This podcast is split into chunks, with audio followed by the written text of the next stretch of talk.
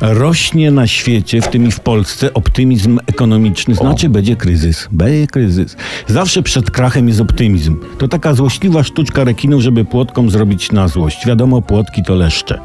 10 lat temu z niemała znany polski publicysta opublikował cudownie optymistyczny artykuł, jak jest w ekonomii dobrze na świecie i w Polsce. A po miesiącu tak jak pierdyknęło na rynkach, to aż krach się było bać. Wielu moich znajomych miało okazję do intensywnego przećwiczenia robienia dobrej miny do złej gry. Pieniądze to nie wszystko mówili, liczy się wnętrze mówili, miłość płakali, dobra książka płakali.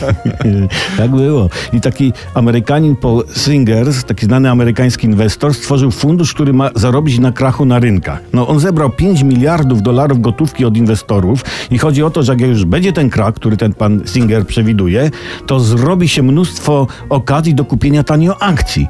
No, to trzymasz kasiurę między prześcieradłami, nadejdzie krach, wpadasz na giełdę i da da da dam, wzbudzasz powszechną zazdrość, ale nie, nie wydajesz na akcje żadne, tylko szastasz kasą w barku, nie? Tam gdzie.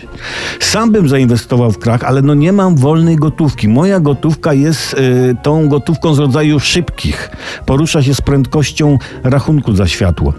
Ale takie pytania się rodzą, kiedy będzie ten krach? Czy, czy jest jakaś data? Czy, czy już ktoś wyznaczył termin? No takie rzeczy warto wiedzieć. Nie, nie żeby miał coś stracić, nie? Bo nie. Ale, ale tak z ciekawości pytam, bo mógłbym, no nie wiem, ewentualnie pożyczyć na ten fundusz krachowy i zaryzykować jakąś inwestycję. No, myślę tu, nie wiem, o kozach górskich chyba, bo, bo to się wydaje najpewniejsza inwestycja w tych optymistycznych ekonomicznie czasach.